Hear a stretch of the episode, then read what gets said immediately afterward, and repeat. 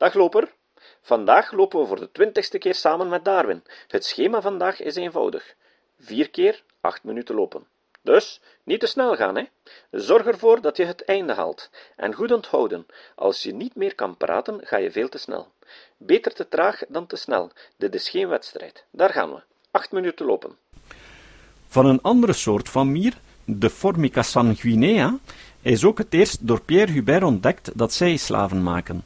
Die soort wordt ook in het midden van Engeland gevonden, en haar gewoonten zijn daar door F. Smith waargenomen. Ofschoon een volkomen vertrouwen stellende in de opgaven van mannen als Hubert en Smith, trachtte ik toch mezelven als het ware tot ongelovigheid te dwingen, me voorstellende dat het wel te verontschuldigen zou zijn indien iemand aan de waarheid twijfelde van zulk een hoogst zonderling instinct als dat van slavenmakende mieren is. Daarom veroorloven men mij de waarnemingen die ik zelf gedaan heb in bijzonderheden te verhalen.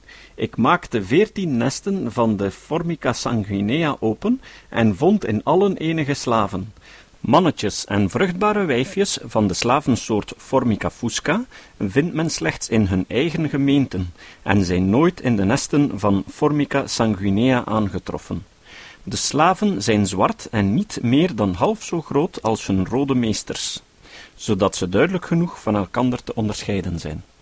Als het nest slechts in lichte graad verwoest wordt, komen de slaven terstond naar buiten. Ze zijn dan, evenals hun meesters, zeer onrustig en verdedigen het nest zo goed mogelijk. Als het nest in verdere graad verstoord en de larven en poppen aan het licht blootgesteld worden, werken de slaven vlijtig met hun meesters om die larven en poppen op een veilige plaats te brengen. Daaruit blijkt dat de slaven zich volkomen thuis voelen.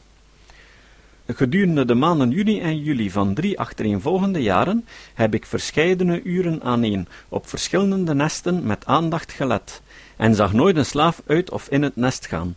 Terwijl het getal der slaven gedurende drie maanden uitermate gering is, dacht ik dat ze zich anders zouden gedragen indien hun getal groter werd.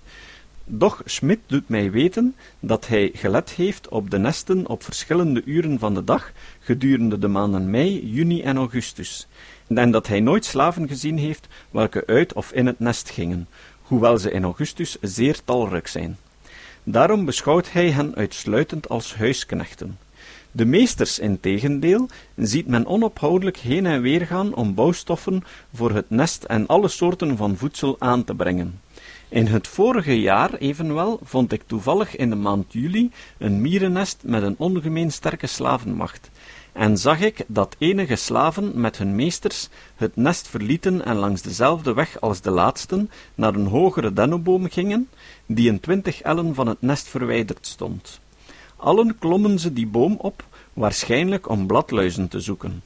Volgens Hubert, die de beste gelegenheid had om waarnemingen op dit opzicht te doen, werken in Zwitserland de slaven gewoonlijk in gezelschap van hun meesters om het nest te maken, en de slaven alleen openen en sluiten de deuren s morgens en s avonds.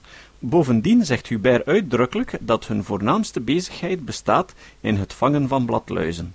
Dit verschil in de gewoonten van de meesters en slaven in Zwitserland en Engeland komt slechts daardoor dat er een groter getal mieren tot slaven gemaakt wordt in Zwitserland dan in Engeland. Eens werd er mij bericht gebracht van een verhuizing van Formica sanguinea van het ene nest naar een ander. Het was een zeer belangrijk schouwspel te zien hoe zorgvuldig de meesters hun slaven in hun bek overdroegen, in plaats van door hun slaven gedragen te worden, zoals bij Formica rufensis geschiet. Op een andere dag was ik zo gelukkig om een twintigtal slavenmakers te zien, die allen op één plek rondliepen en wel, zoals duidelijk was, niet om voedsel te zoeken. Ze gingen naar een onafhankelijke gemeente van de slavensoort Formica fusca, maar werden dapper ontvangen en afgeslagen, Soms zaten er wel drie van de laatsten op een van de slavenmakers Formica sanguinea. Deze vermoorden hun kleine vijanden onbarmhartig en sleepten de lijken der gesneuvelden als voedsel naar hun nest. Doch het mocht hen niet gelukken enige poppen te roven om die tot slaven op te voeden. Toen groef ik enige poppen van de Formica fusca op uit een ander nest en legde die neder op een open plek dicht bij het strijdveld. Ze werden ogenblikkelijk gegrepen en weggedragen door de slavenmakers, die misschien tenslotte er zich op beroemden dat ze in hun laatste gevecht toch de overwinning behaald hadden. Nog drie minuten. Terwijl dit alles gebeurde, legde ik op dezelfde plaats een klein hoopje poppen neder van een andere soort van mier, de Formica flava, benevens enige van die kleinere gele mieren zelven die in de stukken van het nest zaten. Deze soort wordt somtijds, hoewel zelden, tot slaven gemaakt, zoals door Smit is beschreven. Ofschoon klein van lichaam, zijn ze toch groot van moed, en ik heb gezien dat ze als woedend op andere mieren aanvielen. Op hetzelfde ogenblik vond ik een ander nest van de Formica flava onder een steen, beneden een nest van de slavenmakende Formica sanguinea.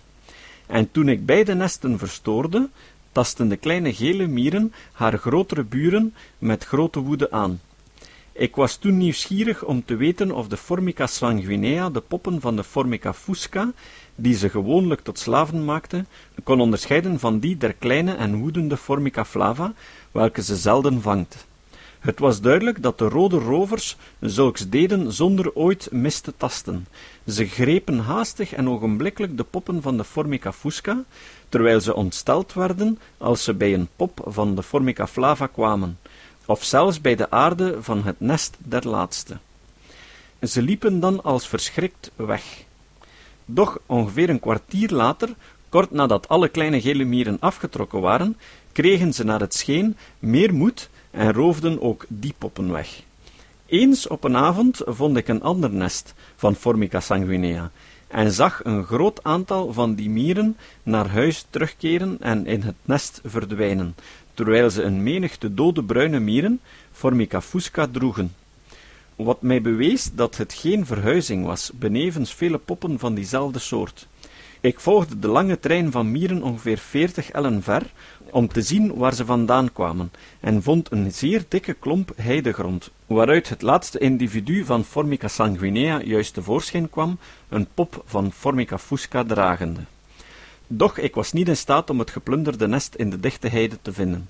Evenwel moest dat nest niet ver van mij af zijn, want twee of drie individuen van Formica fusca liepen rond in de grootste angst en een mier stond bewegingloos op een heideplantje met haar eigen pop in de bek, als het beeld der wanhoop te staren op haar vernield huis. Welk een groot verschil tussen de gewoonten of het instinct van Formica sanguinea en de bovengenoemde Formica rufensens. De laatste bouwt haar eigen nest niet, bepaalt haar eigen verhuizingen niet, verzamelt geen voedsel voor zichzelf of voor haar jongen, ja, kan zichzelf niet voeden, maar hangt volkomen van haar talrijke slaven af. Formica sanguinea, in tegendeel, bezit een veel minder getal van slaven en zelfs in het eerst van de zomer uiterst weinigen. De meesters bepalen wanneer en waar een nieuw nest gevormd zal worden, en als ze verhuizen, dragen de meesters de slaven. Eén minuut wandelen.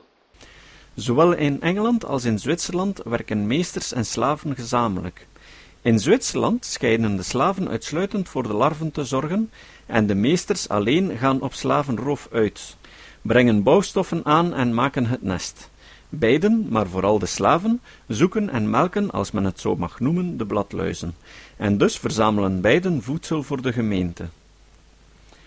In Engeland verlaten de meesters alleen gewoonlijk het nest om bouwstoffen en voedsel voor zichzelven, hun slaven en larven te verzamelen, zodat de meesters in Engeland veel minder dienst van hun slaven hebben dan die van Zwitserland. Op welke wijze het instinct van Formica sanguinea ontstond, wil ik niet beproeven te betogen. Doch, als mieren die geen slavenmakers zijn, poppen van andere soorten, gelijk ik gezien heb, wegnemen zodra zij er de gelegenheid gunstig toe zien, is het mogelijk dat zulke poppen, die met het oogmerk om als voorraad van voedsel te dienen, bewaard werden, zich ontwikkelen. Acht minuten lopen. De vreemde mieren die dus zonder verwacht te worden geboren worden, zullen voorzeker haar eigen instinct gevolgd en dat werk gedaan hebben waartoe zij in staat waren als haar vertegenwoordigers in de gemeente nuttig bleken te zijn voor de soort die haar tevoren roofde, dat is, als het voordeliger voor die soort was werkmieren te vangen dan voor te brengen, kan de gewoonte om poppen als voorraad van voedsel op te slaan voor de natuurkeus versterkt en blijvend zijn gemaakt met het zeer verschillende doel om slaven te maken. Als het instinct eens verkregen was, en al was het zelfs bij lange na zoveel niet ontwikkeld als bij de Engelse Formica sanguinea, welke, gelijk we gezien hebben, veel minder dienst heeft van haar larven dan de Zwitserse, dan zie ik geen reden waarom de natuurkeus dat instinct niet zou doen toenemen en wijzigen, altijd veronderstellende dat elke wijziging ten nutte van de soort is. Totdat er ten laatste een mier ontstond, zo volkomen afhankelijk van haar slaven als de Formica rufensens. Ben echt op je. Het cellenbouwen der honingbij. Het is mijn doel niet hier dit onderwerp in zijn kleinste bijzonderheden te behandelen. Ik wil slechts een korte schets geven van de besluiten waartoe mijn onderzoek heeft geleid. Voorzeker mag hij een toonbeeld van ongevoeligheid genoemd worden, die de heerlijke inrichting van een bijenkorf kan zien, zonder in verrukking te geraken. De wiskundenaars zeggen ons dat de bijen praktisch een heel ingewikkeld rekenkundig vraagstuk opgelost hebben en haar cellen maken van zulke gedaante als geschikt is om de grootst mogelijke hoeveelheid honing op te nemen bij de minst mogelijke aanwending van kostbaar was als bouwstof. Men heeft opgemerkt dat het voor een bekwaam werkman, gewapend met passer en liniaal, een zeer moeilijke bezigheid is cellen van was te maken gelijk aan die van de honinggraat, ofschoon zulks volkomen wel wordt uitgevoerd door een zwerm bijen die in de donkere korf werkt. Bewonder het instinct der honing bij zoveel gewild. In het eerst schijnt het toch volkomen onbegrijpelijk dat ze alle gevorderde hoeken en vlakken kan maken, ja, zelfs hoe ze kan weten dat ze wel en nauwkeurig gemaakt zijn. Doch de moeilijkheid is niet half zo groot als ze in het eerst schijnt te zijn. Al dit schone werk kan, meen ik, bewezen worden een gevolg te zijn van een zeer eenvoudig instinct door Waterhouse, die bewezen heeft dat de vorm van een cel in het nauwste verband staat met de vorm van de omringende cellen, kreeg ik aanleiding om dit onderwerp te bestuderen. Mijn volgende opmerkingen zijn misschien niets dan een wijziging van de zijne. Doch ter zake.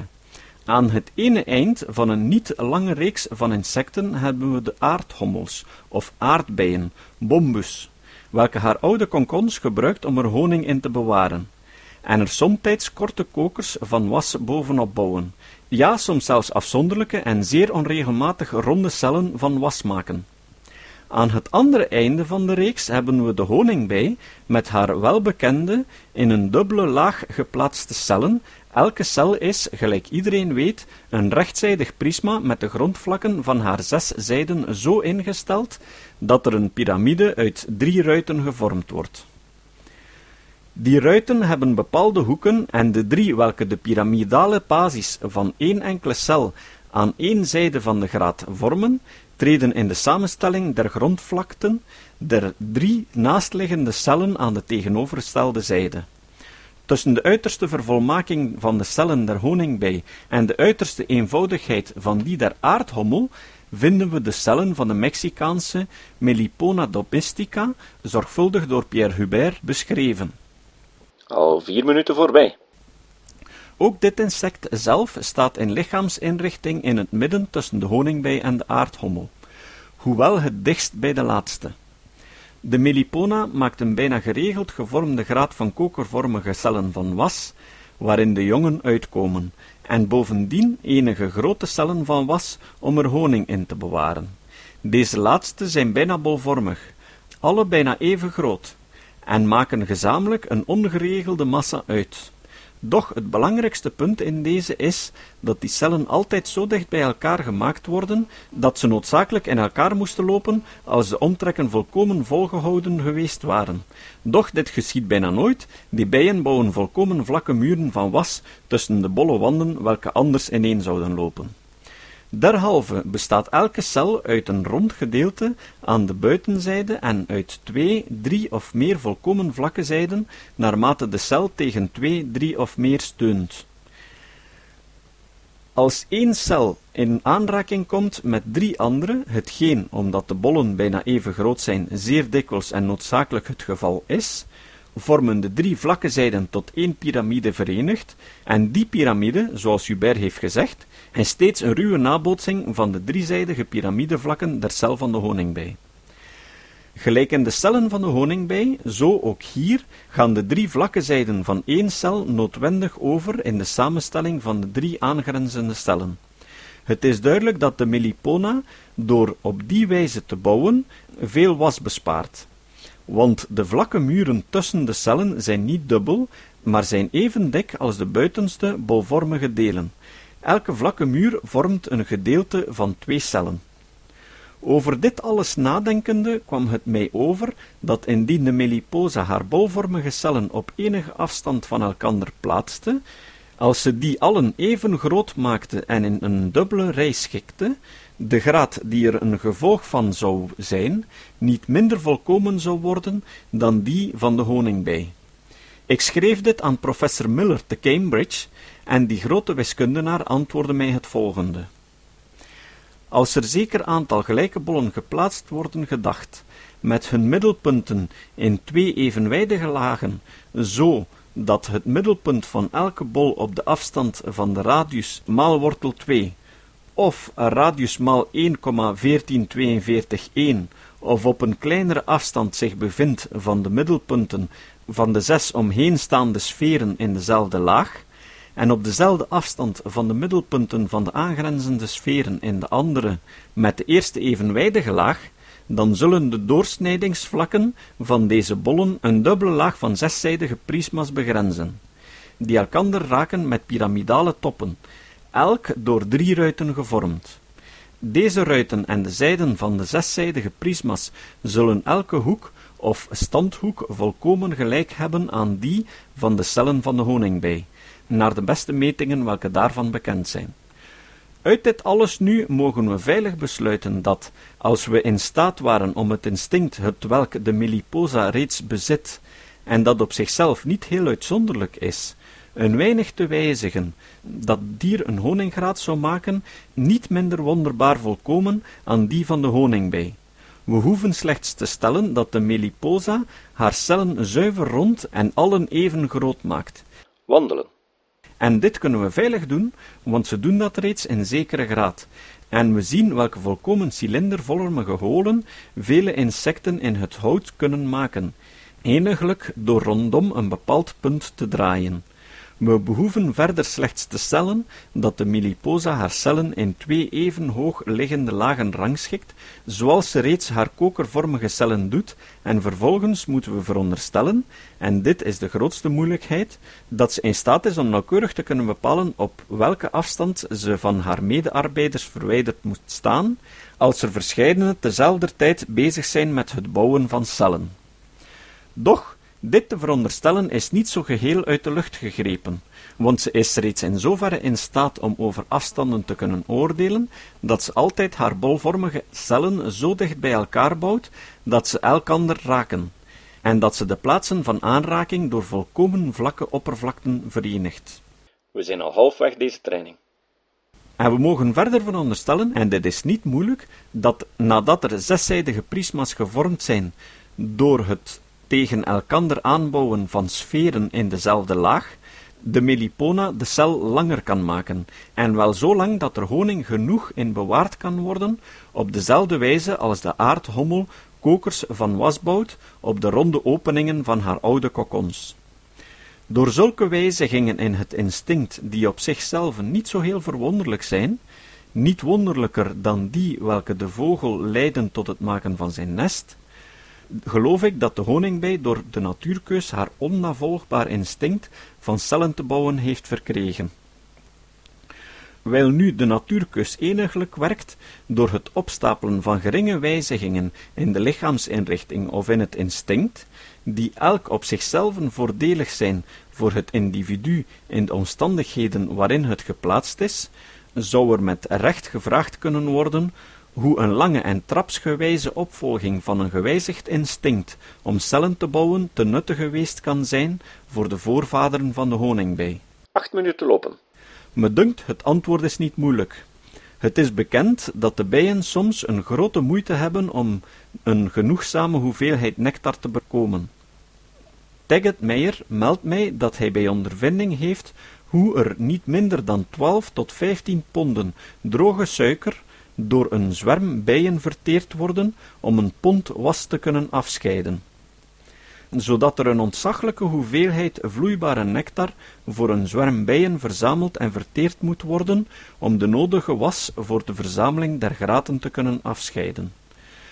Bovendien, een menigte bijen vliegt gedurende enige dagen, als ze bezig zijn was af te scheiden, niet uit en verzamelen derhalve ook geen nectar. Een grote voorraad van honing is er nodig om een zwerm bijen gedurende de winter in het leven te houden, en het bestaan van de zwerm hangt grotendeels daarvan af, of er een menigte bijen in de winter in het leven kunnen blijven. Derhalve moet een grote besparing van was en ten gevolge daarvan een overvloed van honing een zaak van hoogste belang voor een bijenzwerm zijn.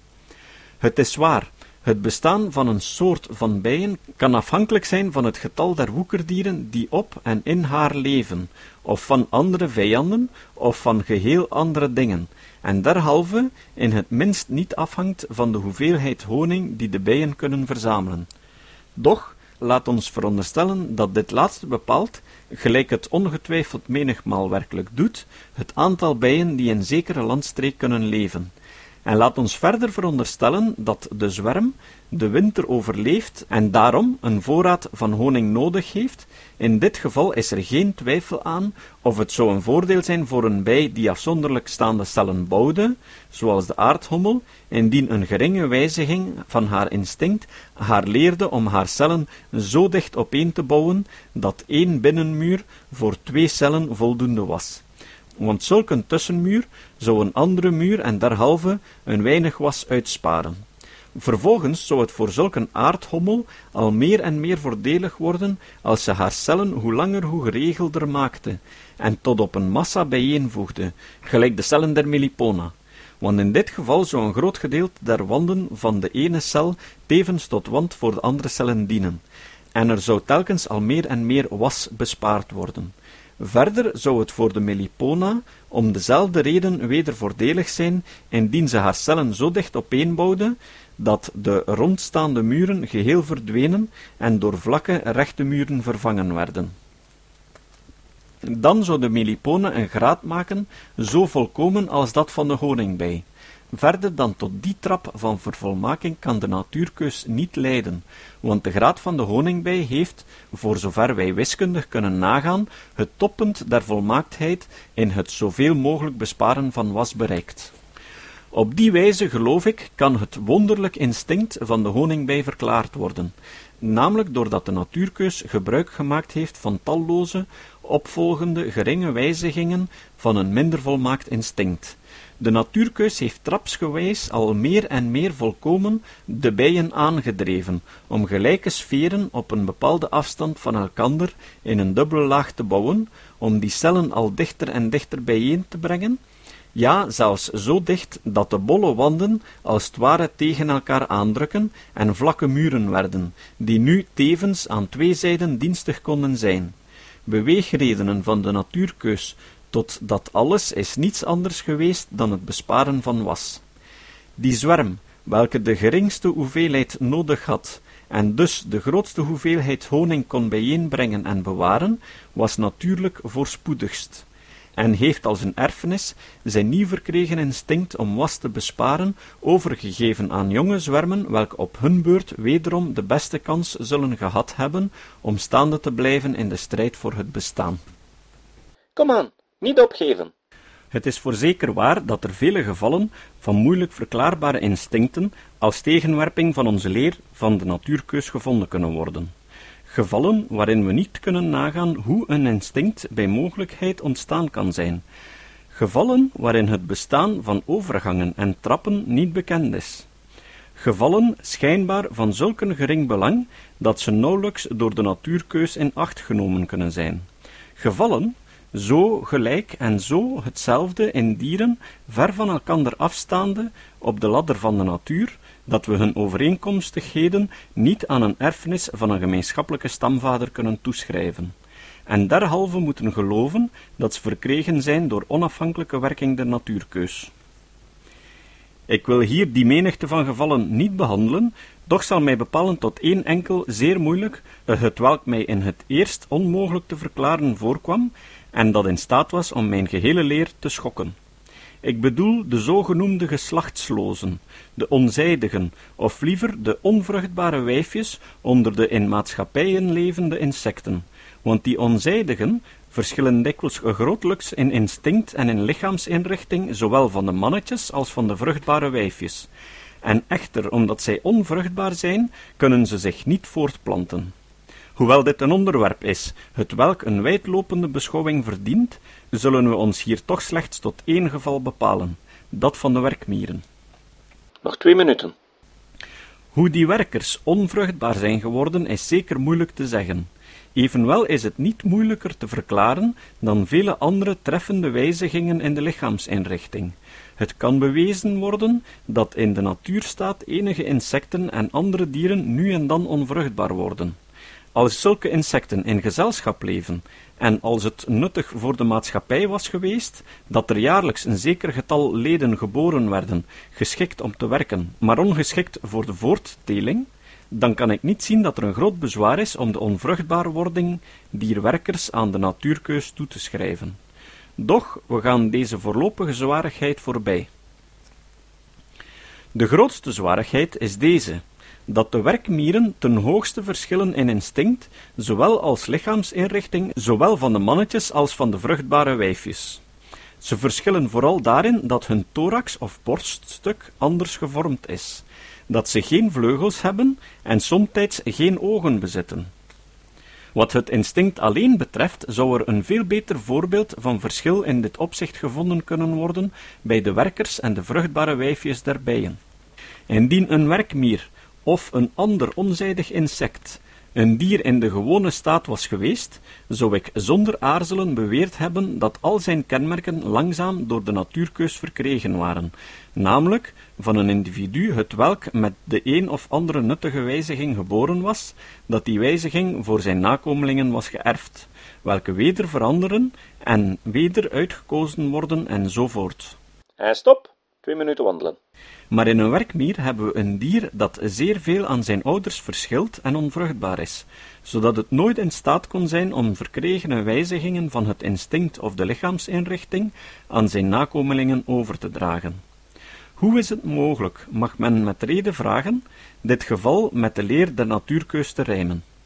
Vooreerst moeten we ons herinneren dat er een talloze menigte voorbeelden bestaan, zowel bij tamme als bij wilde dieren, van beide verschillen in de lichaamsinrichting, die in verband staan met zekere leeftijd, en dat wel bij beide seksen. We kennen verschillen niet slechts in verband met een sekse, maar ook met dat korte tijdperk alleen, waarin het voortplantingsstelsel werkzaam is, het bruiloftskleed van vele vogels, de haakvormige kaak van de mannelijke zalm. We kennen zelfs geringe verschillen in de hoorns van onderscheidene runderrassen, die in verband staan met een kunstmatig onvolkomene toestand van de mannelijke sekse. Ossen van sommige rassen hebben langere hoorns dan die van andere rassen, in vergelijking met de hoorns der stieren of koeien van diezelfde rassen. Acht minuten lopen. Daarom vind ik er geen wezenlijk bezwaar in te geloven dat de ene of de andere kenmerk in verband staat met de onvruchtbare staat van sommige insecten. De grote moeilijkheid is deze. Hoe kunnen zulke met de een of andere kenmerk in verband staande wijzigingen der lichaamsinrichting langzamerhand door de natuurkeus opgehoopt zijn geworden? Die moeilijkheid, ofschoon onoplosbaar schijnende, vermindert of naar ik geloof, verdwijnt geheel en al als wij ons herinneren dat de keus kan toegepast worden op de familie zowel als op het individu, en dat ze op die wijze haar doel kan bereiken. Dus wordt een welsmakende plant gekookt en het individu vernietigd, maar de tuinman zaait zaad van dezelfde verscheidenheid en hij twijfelt niet of hij zal ongeveer dezelfde plant wederkrijgen. Een rund wordt geslacht, dat gemest is en waarvan men vermoedt dat het vet en het mager wel dooreen gegroeid is. Maar de veefokker gaat getroost naar hetzelfde ras en hij twijfelt niet of hij zal weder een dergelijk stuk vee vetmesten. Ik heb zulke groot vertrouwen in de macht der keus dat ik niet twijfel of een runderras, het welk altijd ossen met buitengewoon lange hoorns oplevert, kan langzamerhand gevormd worden door zorgvuldig die stieren en koeien met de langste hoorns uit te kiezen tot een ras waarvan de ossen al langere en langere hoorns zullen vertonen. En desniettemin is er geen enkele os die ooit zijn soort heeft kunnen voortplanten. Zo, geloof ik, is het ook met de in gezelschap levende insecten gegaan. Een geringe wijziging van het lichaam of van het instinct in verband met de onvruchtbare staat van zekere leden van de maatschappij was nuttig voor de gehele gemeente. Ten gevolge daarvan genoten de mannetjes en wijfjes zekere mate van welzijn en droegen aan hun vruchtbare nakomelingen een strekking over om onvruchtbare jongen, die dezelfde wijziging bezaten, voor te brengen. En ik geloof dat dit zich heeft herhaald, zolang totdat het grote verschil ontstaan was, het welk we nu zien tussen de vruchtbare en onvruchtbare wijfjes van dezelfde soort. Kom aan, niet opgeven. Maar nog hebben we het toppunt der zwarigheid niet aangeroerd, namelijk het feit dat de werkers van verschillende soorten van mieren niet slechts van de vruchtbare wijfjes en van de mannetjes verschillen, maar ook van elkander, somtijds zelfs in een ongelooflijk hoge graad, zodat ze daardoor in twee of wel in drie kasten verdeeld zijn. Bovendien gaan die kasten veelal niet ongevoelig in elkaar over, maar staan volkomen op zichzelven. Ja, ze verschillen onderling evenveel van elkaar als twee soorten van hetzelfde geslacht, of liever als twee geslachten van dezelfde familie van elkander onderscheiden zijn. Zo zijn er bij Esiton werkers en soldaten onder de onzijdigen. Bij Cryptocerus dragen de werkers van één enkele kaste een wonderlijke soort van schild op het hoofd, waarvan het gebruik volkomen onbekend is. Bij de Mexicaanse Myrmecocystus verlaten de werkers van één kaste nooit het nest. Ze worden gevoederd door de werkers van de andere kaste, en ze hebben een ontzaglijk ontwikkelde buik, die een soort van honing uitscheidt, de plaatsvervangende van de honing welke afgescheiden wordt door de bladluizen. Dat is door de melkkoeien, zoals ze geheten mogen worden, die door onze Europese mieren op stal gezet en gemolken worden. Men zou waarlijk op de gedachte komen dat ik een al te groot vertrouwen stel in de macht der natuurkeus. Als men hoort dat ik niet toestem dat zulke wonderbare en welbewezen feiten mijn gehele leer omverwerpen. In het meer eenvoudig geval van onzijdige insecten, die alleen van één kaste zijn, en welke, naar ik vastelijk geloof, door de natuurkeus verschillend geworden zijn van de vruchtbare wijfjes en mannetjes, in dit geval mogen we door analogie van de gewone veranderingen veilig besluiten dat elke opvolgende geringe nuttige wijziging waarschijnlijk niet ineens bij alle onzijdigen van hetzelfde nest is verschenen, maar bij slechts enigen.